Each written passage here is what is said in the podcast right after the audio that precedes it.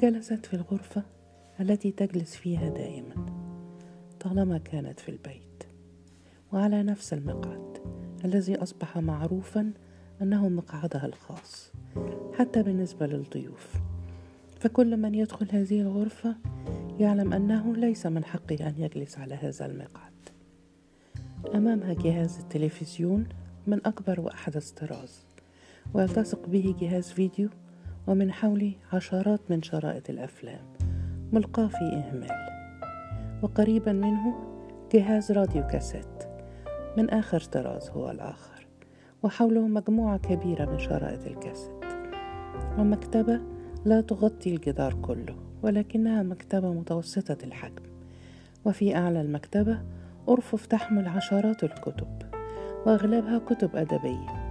تضم معظم القصص التي نشرها كبار الكتاب وأسفل المكتبة دولاب لا يزال مفتوحا وتتجمع فيه عشرات من الدوسيهات في مثل هذا اليوم من عشر سنوات مات زوجها وهي ليست مستسلمة للحزن في ذكراه إنها لم تفجأ بموته وكانت منذ تزوجته وهي تنتظر أن يموت قبلها.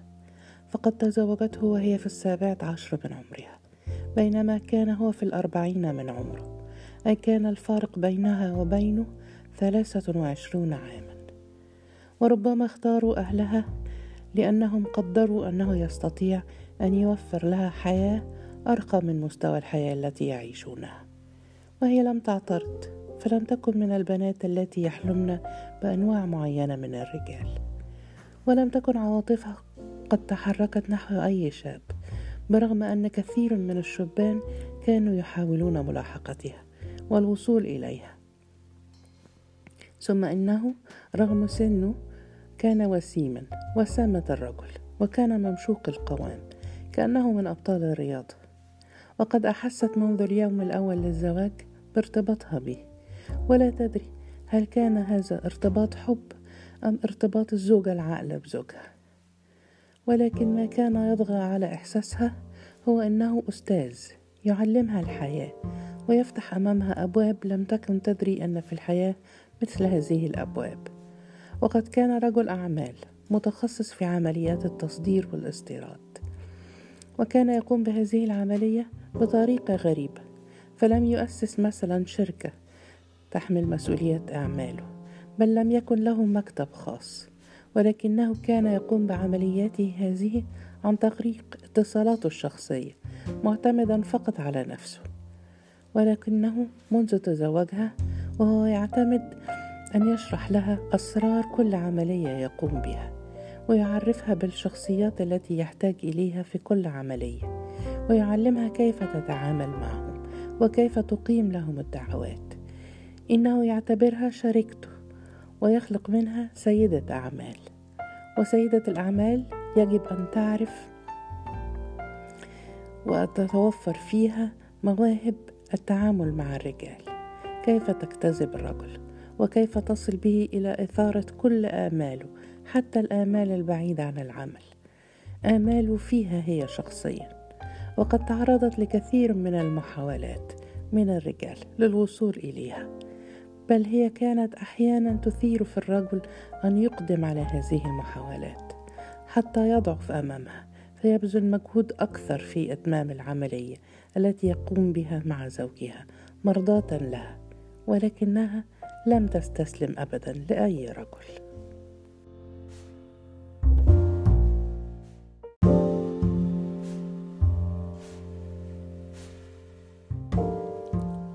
كانت من النباهة بحيث تستطيع أن تحتفظ بآمال الرجل فيها دون أن تستسلم لهذه الآمال. كانت مثلا تترك الرجل يحدثها في التليفون أو تحدثه هي وتتركه يعتقد أن حديث التليفون لا يعلم به زوجها إنها تحدثه أو تتركها يحادثها خفية عن زوجها. وكانت قادرة على أن تستمر بهذه المحادثات التليفونية شهر أو شهرين دون أن تستسلم للرجل ودون أن يفقد أمله فيها إلى أن تتم العملية التي يقوم بها زوجها. وكان لها أسلوبها بعد ذلك في قطع هذه المحادثات التليفونية دون أن تغضب هذا الرجل. تبعده دون أن تخسره. وزوجها يعلم أولا بأول. كل اتصالاتها بالرجال الذين يتعامل معهم ويسكت لأنها يعتبرها اتصالات تتطلبها العمليات التي يقوم بها. يسكت وهو مطمئن إليها. إنه واثق أنها لن تقدم على أكثر من ذلك. لقد علمها أن العمل لا يفرض عليها أن تعطي أكثر. وهي لا تدري إذا كانت لا تعطي استجابة لتعليماته أم لأنها تحبه. ولكنها واثقة أنها لا تعطي لأنها تخاف الله. إنها منذ نشأتها وهي تخاف الله. وربما لو استسلمت للحرام لعاقبها الله وصب غضبه على أولادها أو لهدم بيتها. وقد مرت عليها حالات أحست فيها كأنها تكاد تستسلم وكان الرجل يغريها كما تغريه ولكنها كانت تقاوم إلى حد أنها تعاني عذاب الحرمان. ولم تكن تستمد هذه القدرة على المقاومة من حبها لزوجها أو اقتناعها بتعليماته ولكن كانت تستمدها من خوفها من عقاب الله خوفها من الحرام. أنجبت من زوجها ولدين هشام وعصام وقد بالغت في رعايتهما وإحاطتهما بأمومتها. كانت الأمومة هي الحب الوحيد الذي عاشت فيه. إن الأمومة ليست مجرد ارتباط كارتباطها بزوجها أو بأهلها. إنها حب وهو حب ركزت عليه كل حياتها وكل مستقبلها. إن زوجها سيموت قبلها ولن يبقى في حياتها إلا ولداها. إنهما حتى قبل أن يموت زوجها هما كل ما لها وقد مات زوجها وهو في الستين بعد أن عاش شهورا يعاني من أزمة قلبية. وكانت خلال هذه الشهور هي التي تتولى إدارة كل أعماله. إنها تعرف كل ما في هذه الأعمال من أسرار. ولم يصبها أي انهيار بموته ولم تحزن حزنا عميقا يؤثر في تماسكها بنفسها أو في الحرص على ترتيب كل خطواتها. فلم يكن الموت مفاجأة كانت دائما تنتظر هذا الموت. واستطاعت بسرعة أن ترتب كل حياتها وحياة ولديها. واستطاعت أن تستمر في عمليات الاستيراد التي تركها لها. إن بينها عمليات تدر دخلا ثابتا. يمكن أن يغنيها عن السعي وراء عمليات أخرى. لقد تركها زوجها وهي غير محتاجة. تركها وهي تستطيع أن تعتبر نفسها مليونيرة. ولو أنها تتعمد دائما أن تخفي على الناس أنها وصلت إلى درجة مليونيرة.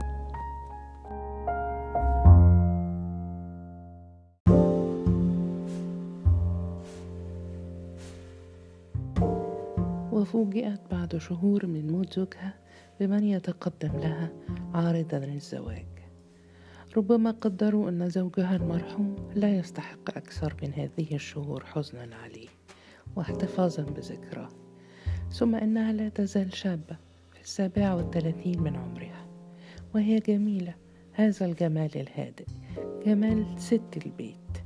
إن كل رجل يتمناها زوجة له. ويجري كل منهم إليها قبل أن يسبقه الآخر. ولكن لا مستحيل. لن تتزوج أبدا. كيف تدخل على ولديها رجل غريب؟ لم يعد في حياتها مكان إلا لولديها. ثم من أدراها بالدوافع التي تدفع كل هؤلاء الرجال للتقدم إليها؟ ربما لم يكن مجرد إنها لا تزال شابة أو لأنها تعتبر جميلة. إنما لأنهم يعرفون أنها غنية وكلهم يطمعون في أن يتزوجوا أموالها حتى صديقتها التي يرينها بالزواج ربما كانت كل منهن ستأخذ من العريس عمولة أو قيمة السمسارة في تزويجه من امرأة غنية. إنها لن تتزوج أبدا وإذا حدث وفكرت في الزواج فهي على الأقل لن تتزوج إلا رجلا تعرفه معرفة تامة معرفة الحب الذي تسمع عنه وقد تزوجت زوجها المرحوم دون أن تعرفه ولكن أيامها كانت صغيرة مستسلمة لإرادة أهلها ولم تكن كما هي الآن. أما لولدين وسيدة أعمال وغنية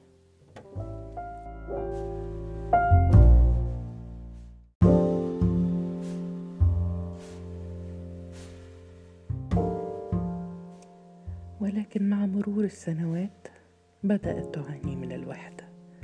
تحس بفراغ واسع إنها امرأة ناقصة. كل امرأة بلا رجل هي امرأة ناقصة. كأنها نصف مخلوقة وولداها لهما حياتهما الخاصة التي لا تستطيع أن تعيشها معهما كما لا تستطيع أن تخرجهما من مجالهما ليعيشا مجالها. إنهما أحيانا يجاملانها ويقضيان اليوم معها أو يصحبانها إلى السينما أو إلى مسرح. وتحس وهي معهما بأنها تحرمهما من شبابهما وتكلفهما بأعمال منزلية ليست من اختصاصهما. ثم أنها لم تعد ترحب بدعوات الحفلات الاجتماعية. إنها لا تطيق أن تدخل إلى حفل وحدها وتخرج وحدها. امرأة بلا رجل امرأة ناقصة. لم تعد تستطيع أن تقيم الحفلات في بيتها وتدعو إليها الأزواج والزوجات. ليس في البيت رجل يستقبل الرجال.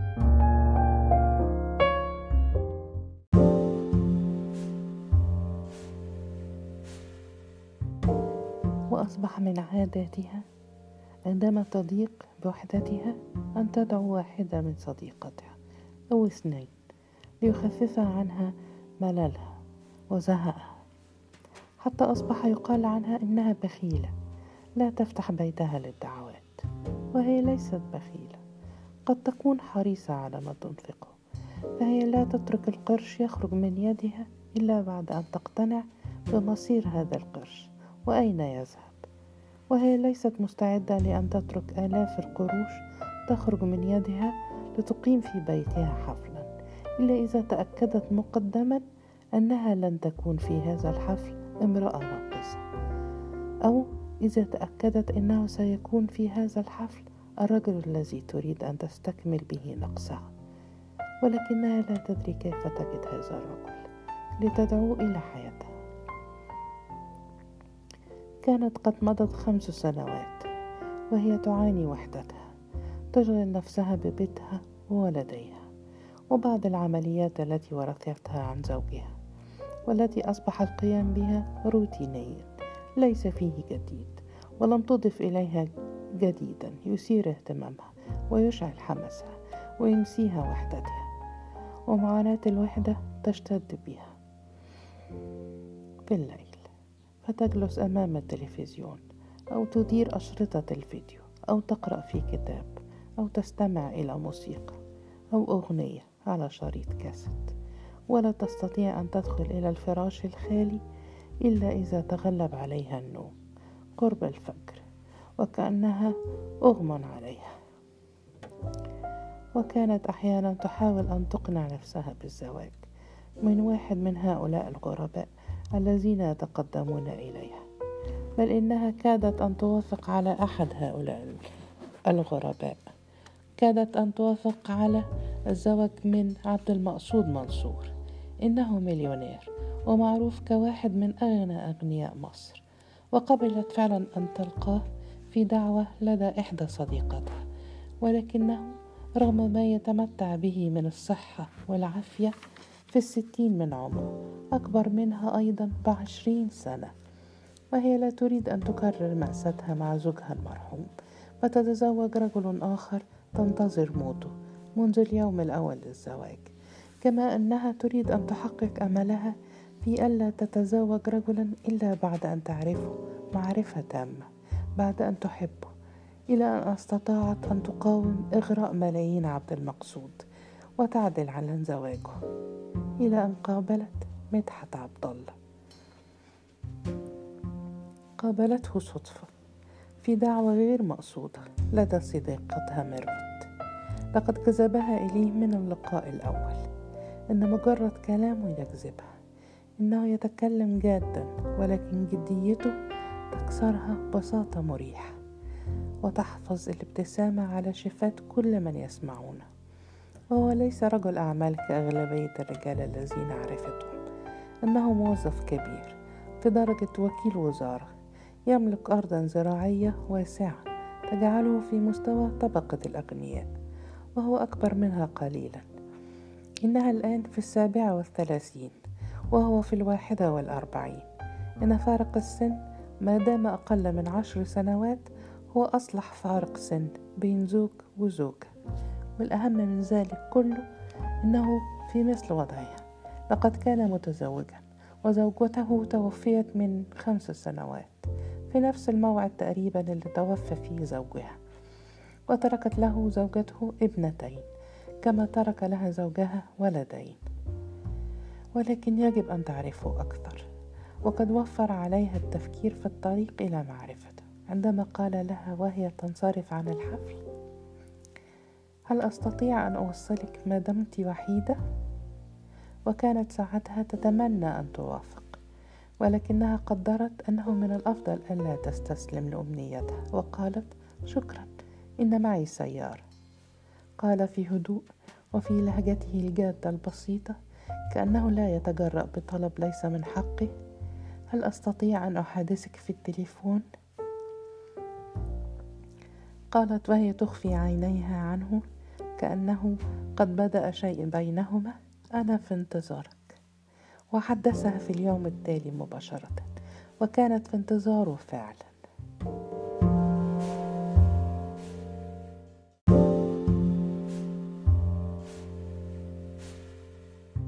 وأحست ربما لأول مرة في حياتها بقلبها يخفق وهي تسمع صوته. إنها تتحدث معه في التليفون كما لم تتعود التحدث مع رجال الأعمال. أو الموظفين الكبار الذين لهم دخل بالعمليات التي كان يقوم بها زوجها وتولتها من بعده إنها ليس بينه وبينه أي حديث عمل كل ما بينها وبينه بادرة حب قد تنتهي إلى زواج. وقد طال الحديث بينهما أياما وأسابيع قبل أن يصل إلى موضوع الزواج كأن كل منهما كان يحاول اكتشاف أعماق الآخر ويدخل في شخصيته وهي لا تشبع أبدا من هذه الأحاديث. ولم تكن تقبل أبدا أن تستجيب لرغبته في لقاء خاص بهما. كان كل ما يحصل عليه هو لقاء آخر عند صديقتها ميرفت.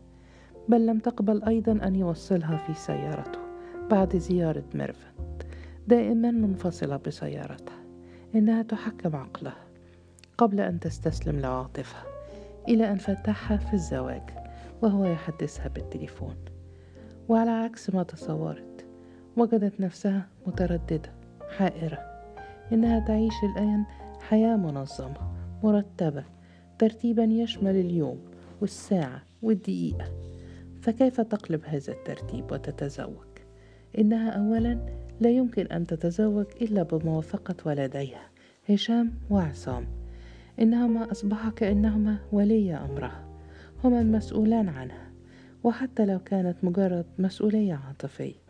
وقد كبر هشام الآن في السنة النهائية بكلية التجارة وعصام في الجامعة الأمريكية يدرس إدارة الأعمال. إن كلا منهما يعد نفسه ليسير في نفس الطريق الذي كان يسير فيه والدهما. طريق الأعمال الحر معتمدين على ما ورثاه وما صانته له لهما أمهما. ولنفرض أنهما وافقا على الزواج وهي لا تستبعد موافقتهما. إنهما معترفان بأنها ضحت بنفسها من أجلهما وعاشت كل هذه السنوات في حرمان. عاشت نصف امرأة حتى تتفرغ لهما. بل كان ابنها هشام يضحك معها قائلا سأزوجك يا ماما وترد ضاحكة إني متزوجة من اتنين أنت وأخوك. فيرد وكأنه جاد رغم أنه يضحك الزواج الثالث سيشترك معنا في إسعادك. على الأقل يحمل معنا مسؤولية السهر معك. ولا نلوم أنفسنا كلما تركناك وحيدة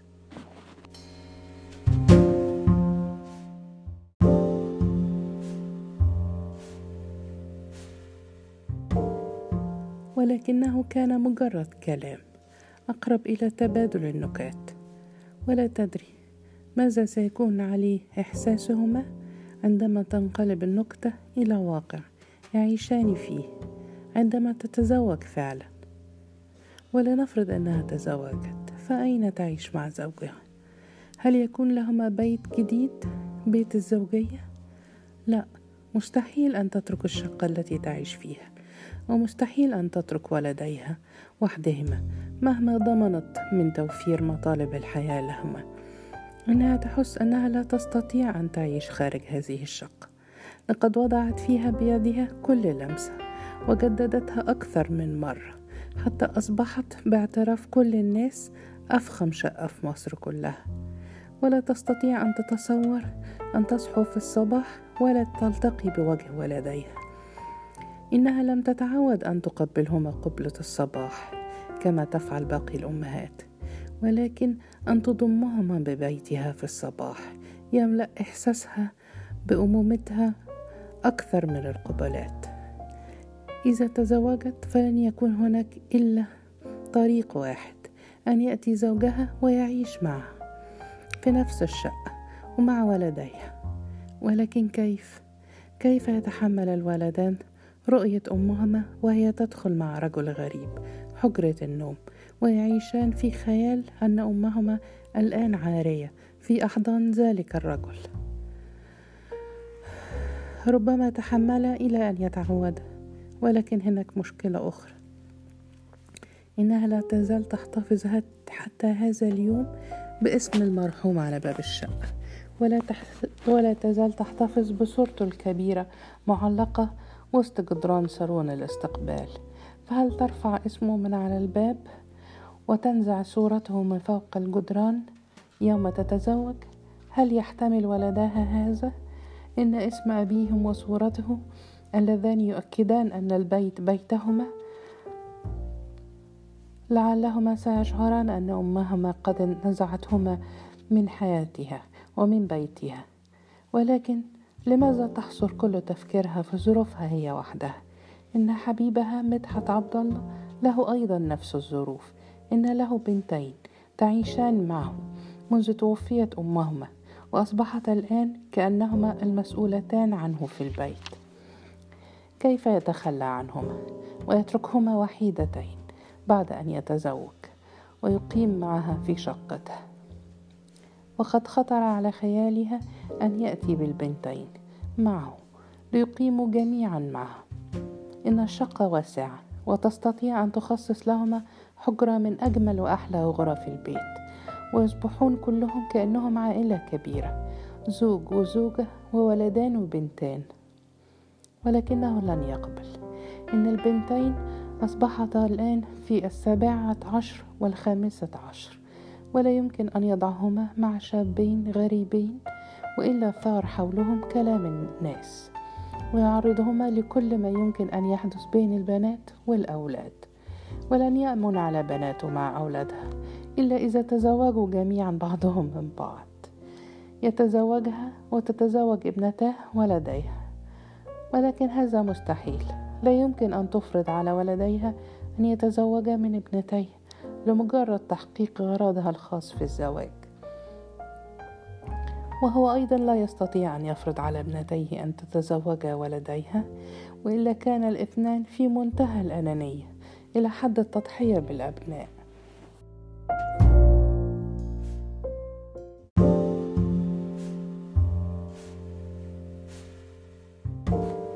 لماذا لا يترك ابنتيه لتعيش في بيت أخته أو بيت أخيه؟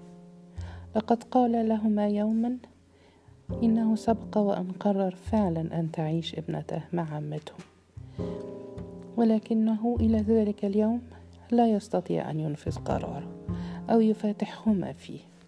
لقد كبرت الابنتان وتعودتا على الحياة معه وأصبحت لكل منهما شخصية قائمة على مسؤوليتها عن أبيها ومسؤوليتها أمامه.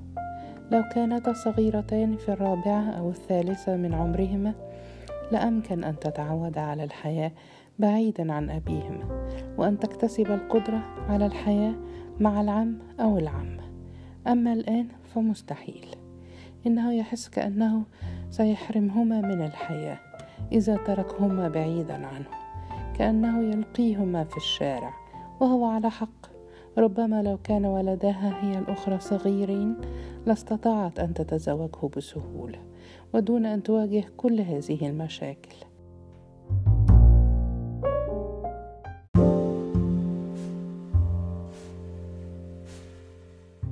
وليس هناك الآن طريق لتتزوج إلا أن تنتظر حتى يتزوج ولداها ويكون لكل منهما بيت خاص وينتظر هو الآخر إلى أن تتزوج ابنتاه وتصبح لكل منهما بيت خاص وبعد ذلك يتزوجان. وقد يتحقق ذلك بسهولة. لقد قال لها إن ابنته الكبرى قد خطبت. المهم أن يتحمل الانتظار. وهي تستطيع. فهي معترفة بأنها تحبه وأنها تريده. ولا شك أنه أيضا يحبها إلى درجة أن يتحمل عقليتها المعقدة.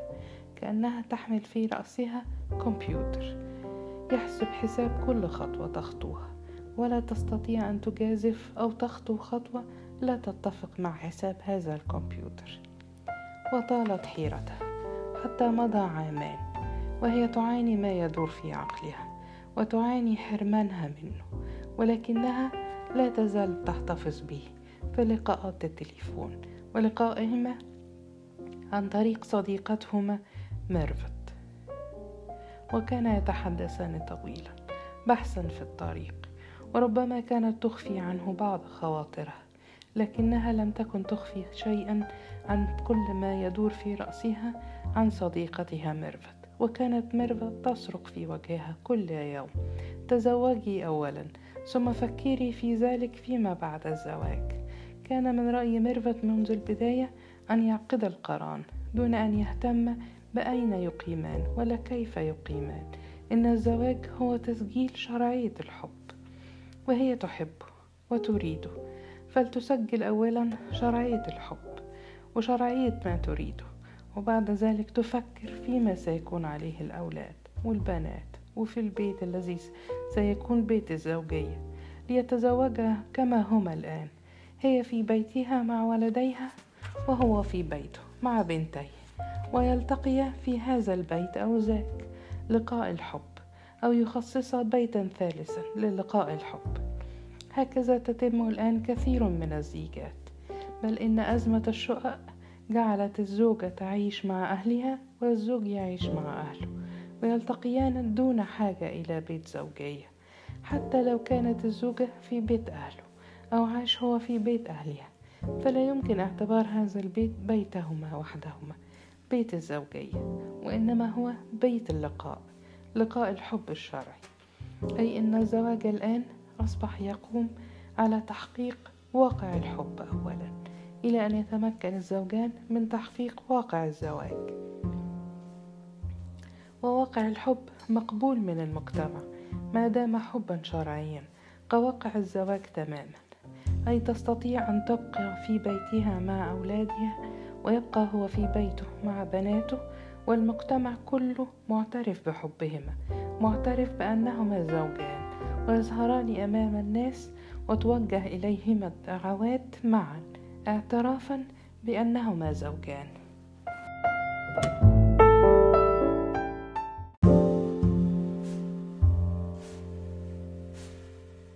كانت ترفض الاقتناع بهذا الكلام.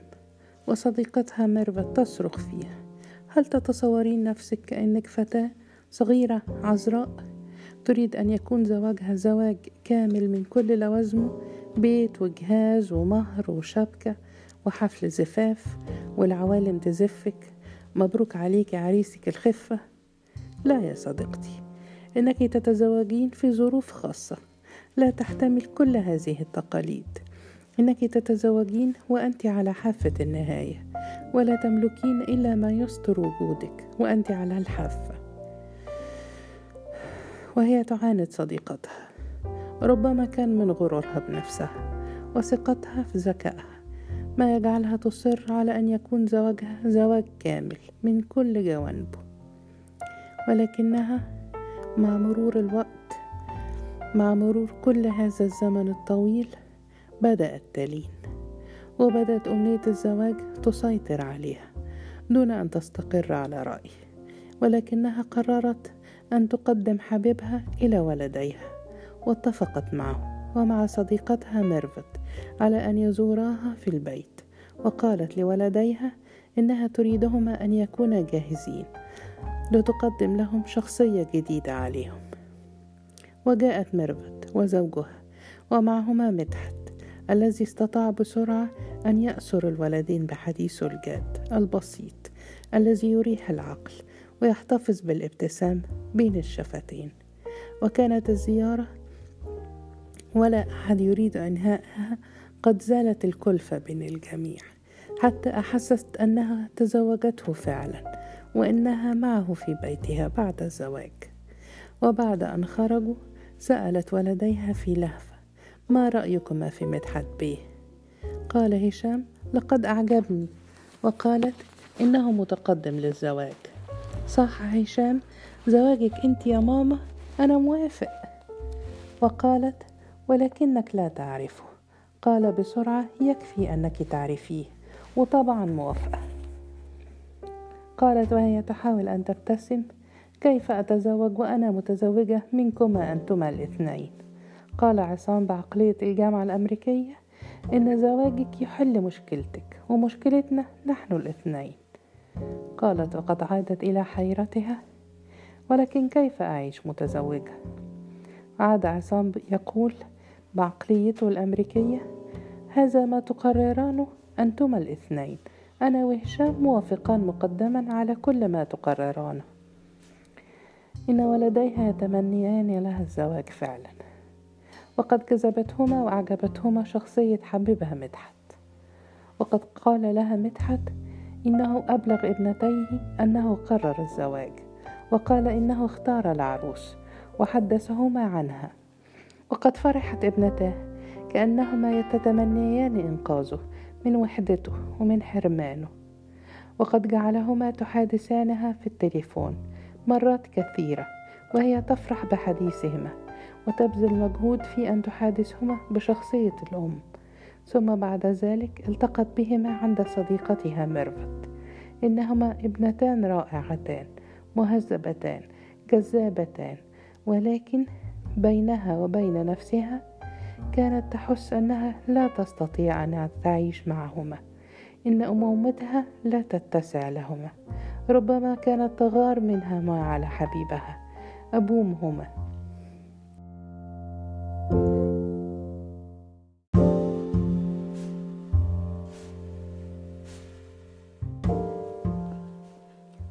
تزال مترددة لا تستطيع أن تخرج من حيرتها ولا تستطيع أن تتخلص من حبها ومن أمنيتها أن تتزوج إلى أن اتصلت بها صديقتها ميرفت ودعتها لزيارتها في موعد محدد ووجدت هناك مدحت كأنه في انتظارها وقالت لها ميرفت في صوت جاد هل أنت موافقة على الزواج من مدحت؟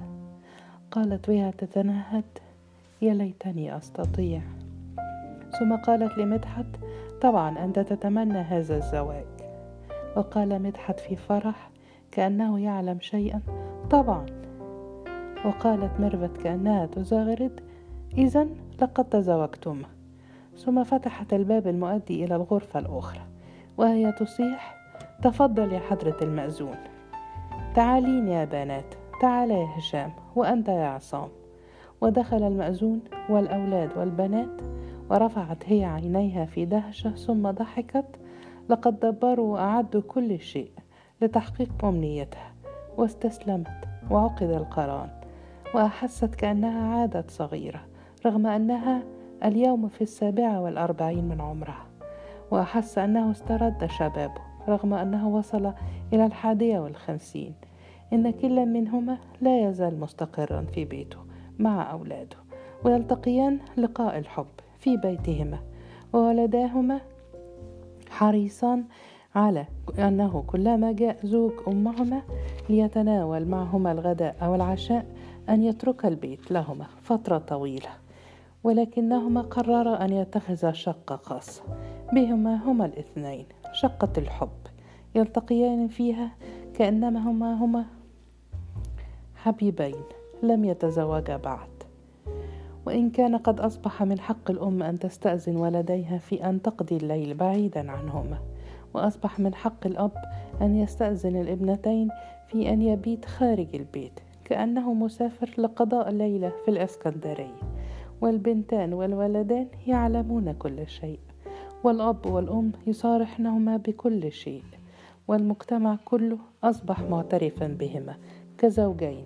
وهما يعيشان على أمل واحد أن تتزوج البنتين ويتزوج الولدان وتنتقل بزوجها إلى شقتهما التي تحبها وتستكمل كل نواحي الزواج.